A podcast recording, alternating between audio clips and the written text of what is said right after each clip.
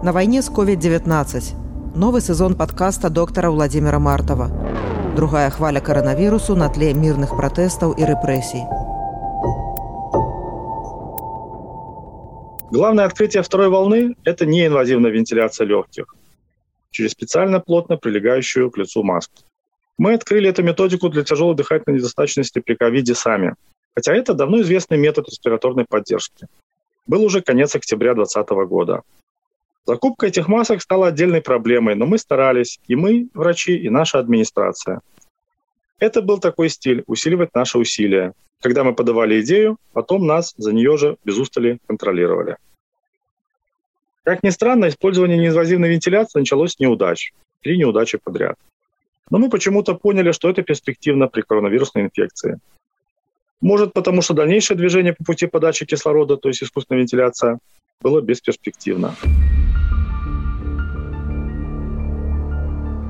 Тут Ганна Соусь, добрый дзень. Гэта чацвертая серыя другога сезону падкаста доктара Владимира Мартава. Ён прысвечаны другой хвалі каранавірусу ў Беларусі, якая супала з мірнай рэвалюцыяй 2020 году і беспрэцэдэнтнымі рэпрэсіямі ўлада, у тым ліку ў дачыненні медыкаў Беларусі. Владимир Мартаў быў загадчыкам аддзялення анестэзіялогіі і рэанімацыі віцебскай бальніцы хуткай дапамогі. Адным з першых у Беларусі ён адкрыта расказаў пра рэальную сітуацыю з каранавірусам. Вясной 2021 году з лекарам не працягнулі кантракт. У чацвертай серыі другога сезону падкаста доктара Мартава вы пачуеце. Галоўнае адкрыццё новай хвалі неінвазіўная вентыляцыя лёгкіх. Няўдачы, якія сканчваліся трагедыяй. Экзатычныя выпадкі пад маркай каранавірусу. Пандэмія становіцца выдатным часам для вар'яцкіх ідэй для шарлатанаў і авантурыстаў.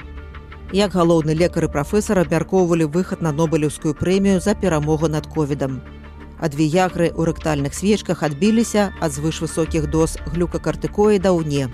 Вынаходнік трапіў у рэанімацыю і адразу ж адмовіўся ад прыдуманай ім схемы лячэння. Пачынаюцца перабоі з кіслародам.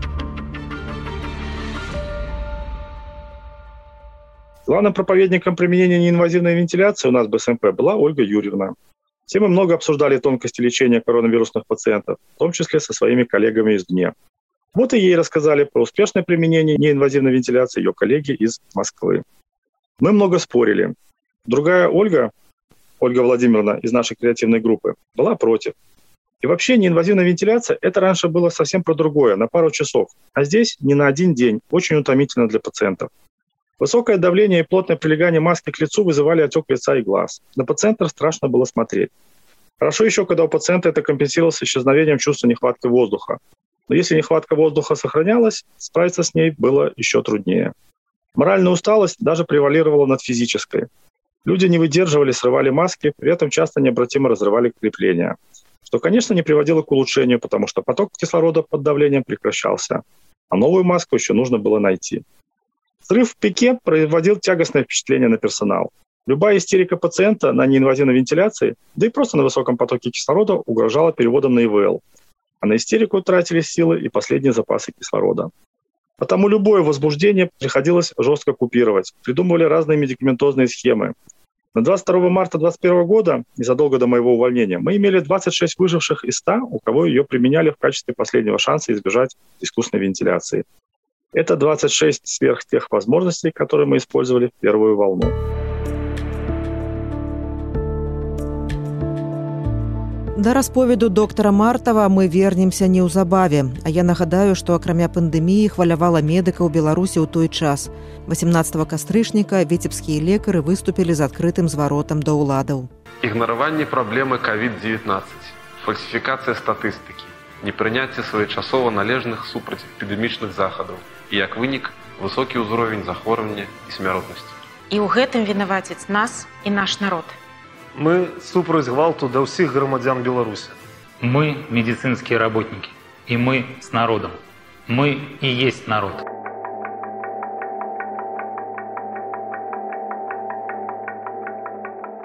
Пасля гэтага пракурор віцебску Юры Рамановскі вынес афіцыйнае папярэджанне кожнаму з 16 медыкаў, якія выказалі сваю грамадзянскую пазіцыю ў відэазвароце. У тыя ж дні беларуская незалежная супольнасць медыкаў выступіла з заявай у сувязі з паведамленнем мус пра гатоўнасць прымяняць баявую зброю. У сувязі з ужываннем спецсродкаў супраць пажылых людзей падчас маршаў пенсіянераў. У сувязі з парушэннем правоў і свабодаў грамадзян з абмежаванымі магчымасцямі якія мірна выказвалі свой пратэст Жизнь и здоровье людей является наивысшей человеческой ценностью. Вось уже больше за два месяца у нашей краіне адбываецца сістэматычнае парушэнне правоў і свабод чалавека. Беспрэцэдэнтны гвалт, які адбываецца ў дачыненні да мірных грамадзян, пенсіянераў, студентов, наших коллег, пациентов недопущальны. То, что сейчас происходит в стране, граничит с беспределом и может быть расценено как геноцид белорусского народа и развязывание гражданской войны со стороны действующей власти.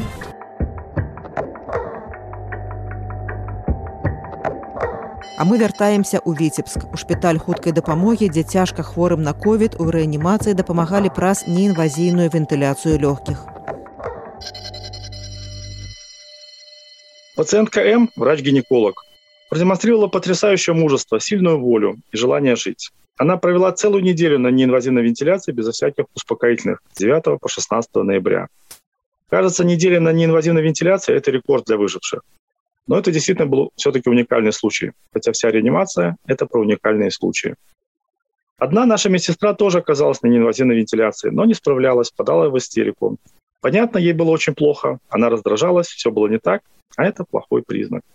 Ее просто пришлось ввести в наркоз. В спокойном состоянии она раздышалась, провела на неинвазивной вентиляции трое суток с 4 по 7 декабря и избежала искусственной вентиляции. Она выжила. Осталась нами очень недовольна, но выжила, значит, молодец. Однако неудач было больше. Некоторые неудачи были особенно обидны, вроде все получалось, но в какой-то момент что-то шло не так и заканчивалось трагедией. Вспоминается пожилой доктор, у которого было два сына медработника. Лежал в реанимации на кислороде. Мы надеялись, что он пошел на поправку, но неожиданно на фоне стабильного состояния его разбил инсульт. И все. Дальше искусственная вентиляция и смерть. Администрация обеспечила сыновьям посещение отца в реанимации красной зоны. В день, когда дело близилось к концу, у постели умирающего возник конфликт Начмеда с одним из сыновей. Понятно, нас обвиняли, что мы не досмотрели, что мы упустили. Я к таким претензиям отношусь с большим пониманием. Но Начмед совсем был не готов спускать обвинения в свой и наш адрес. В конце концов, сыновья пациента прокляли меня и мое отделение в публичном пространстве. Нам было очень обидно, что у нас не получилось. Количество смертей в моей БСМП во вторую волну значительно превышало количество смертей в первую. Но все-таки этот эпизод запомнился.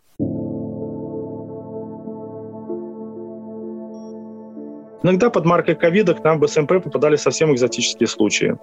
Однажды к нам в реанимацию перевели молодую девушку из психиатрической больницы. Накануне свадьбы она сошла с ума прямо за рулем автомобиля. Она ехала по трассе М1 в Минск. В связи с психозом и неадекватным поведением ее поместили в Витебскую психбольницу, вводили сильные успокоительные. И когда через пару дней она высоко затемпературила, ее перевели к нам под маркой острой респираторной вирусной инфекции. Она была неконтактна, что называется состояние овощ.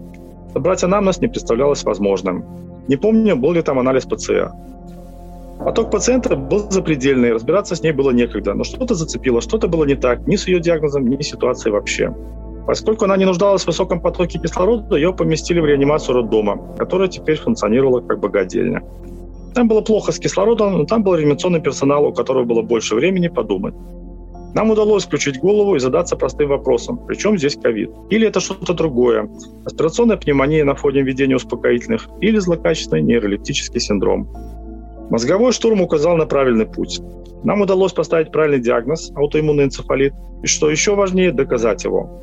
Родственники заплатили за дорогостоящий анализ в частной лаборатории. В итоге ее перевели в профильное отделение областной больницы, и специфическое лечение дало результаты. Пациентка была выписана через несколько недель на своих ногах, в ясном сознании. Через год она таки вышла замуж. Умница и красавица. Однажды к нам из районной больницы перевели реанимационные бригады и скорой помощи очередную пациентку. К этому времени нас уж даже не всегда предупреждали, что привозят пациентку в тяжелом состоянии, что нужно готовить место в реанимации.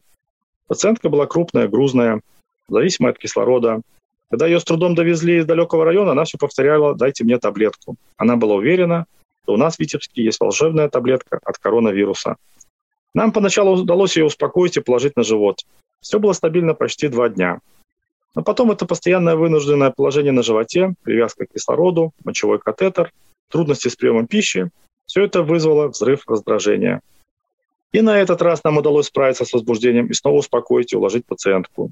Кислород снова в крови поднялся. Но какая-то дурная мысль ее не оставляла, мысль про лекарство от ковида, которое мы от нее прячем. С очередным третьим ее возбуждением мы не справились. Она попала на искусственную вентиляцию и вскоре погибла.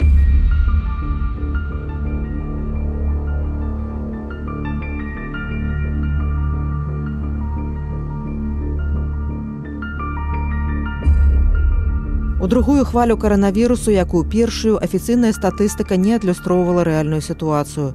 Штодня агучваліся прыблізна аднолькавыя лічбы захварылых і памерлых. Тым часам захварылы на каранавірус дэпутат палаты прадстаўнікоў былы намеснік міністр замежных справаў валер варанецкі расказаў у інтэрв'ю незалежным сМ, што ў палаце прадстаўнікоў шмат хто хварэе. Практычна вся камісія аховы здароўя захварэла. Шмат дэпутатаў ад гораду Менск таксама з каранавірусам. Відаць, боская кара казаў тады валер варанецкі.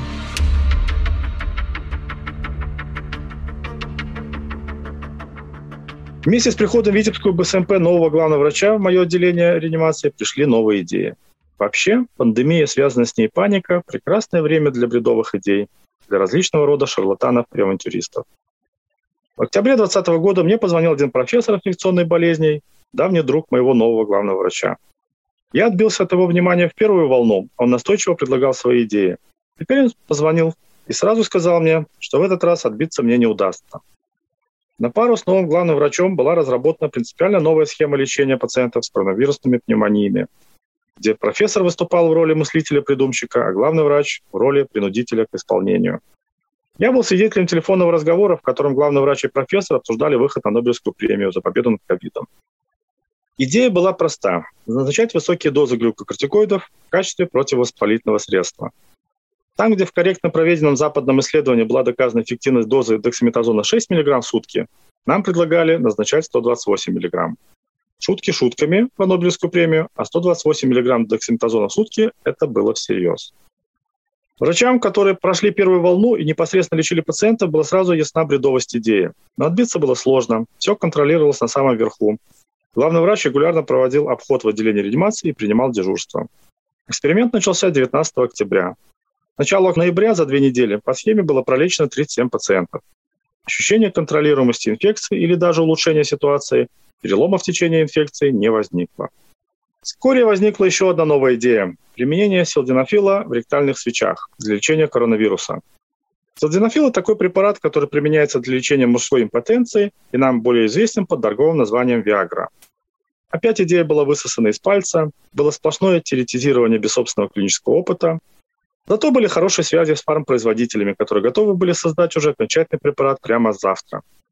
Мы спорили с администрацией, но силы были неравны. От Виагры в ректальных свечах мы отбились, от сверхвысоких доз глюкостикоидов нет. Я собирал данные, обсуждал их с профессором. Привлекли сотрудницу кафедры анестезиологии для точного сбора информации и анализа. По мне, никакого положительного эффекта от применяемых доз дексаметазона не было. Напротив, были осложнения, Пациенты очень плохо их переносили, особенно тот самый сложный контингент с сахарным диабетом и артериальной гипертензией. Все их сопутствующие заболевания выходили из-под контроля, требовались дополнительные усилия по их коррекции. Не уверен, что для них все наши эксперименты проходили бесследно. А в ноябре профессор сам попал к нам с тяжелой коронавирусной пневмонией. И в первую очередь отказался от применения им же самим придуманной схемы.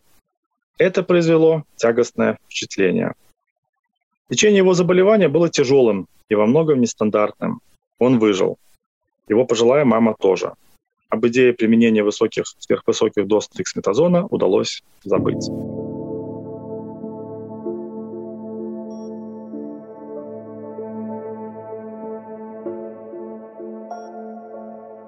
стане на 23 кастрычніка 2020 году колькасць хворых на COVID-19 у свеце перавысіла 41 з паловай мільёна чалавек. Паводле звестак універсітэту Джона Хопкінса. Кіраўнік інстытуту Роберта Коха Лётар Велер назваў сітуацыю ў свеце надзвычай сур'ёзнай і заклікаў су грамадзян строга выконваць меры засцярогі. Чэхія, якая адносна лёгка перанесла вясновую хвалю, выйшла на першае месца ў Еўропе паводле колькасці новых інфікаваных на мільён чалавек. Там зноў увялі карантын, з дому дазволілі выходзіць толькі на працу і па неабходныя закупы. У шэрагу краінаў Еўропы скасоўвалі традыцыйныя калядныя кірмашы. У Беларусі абмежавальныя захады насілі хутчэй палітычны характар, як, напрыклад, закрыццё наземнай мяжы Беларусі.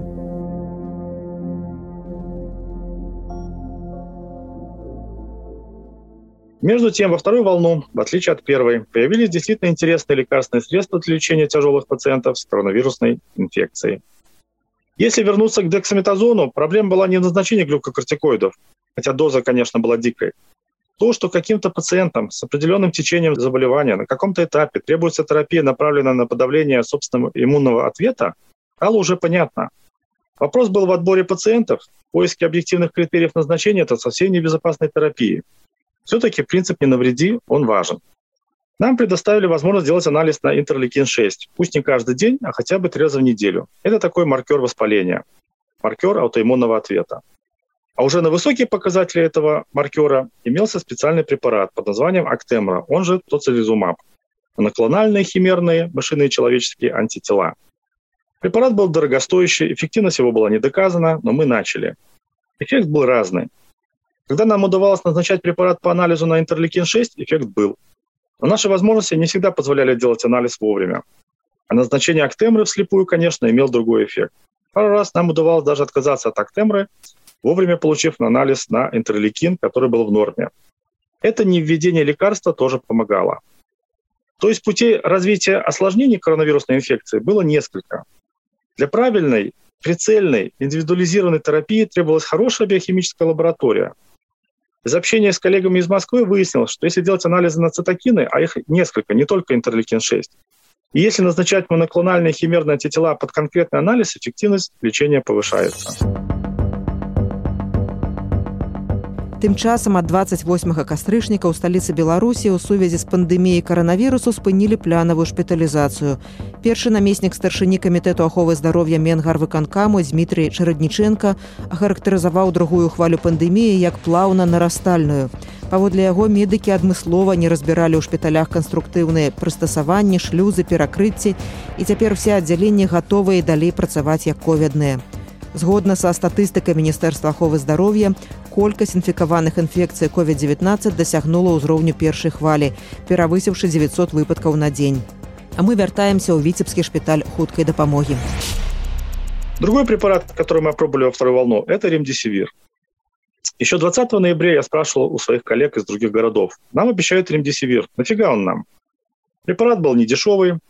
Распределял этот непонятный еще ресурс инфекционная больница. В декабре у нас появился первый настоящий опыт его применения. Он, по крайней мере, не разочаровывал. В отличие от китайского гидроксилхлорохина, в отличие от алувия, от других противовирусных средств, которые пробовали в лечении пациентов с коронавирусной инфекцией. Неудобство применения ремдисивира состояло в том, что его нужно было вводить внутривенно. Вводить его нужно было в определенные сроки от начала заболевания. И в этот срок еще было непонятно, нужен ли он на самом деле, или это получается из пушки по воробьям.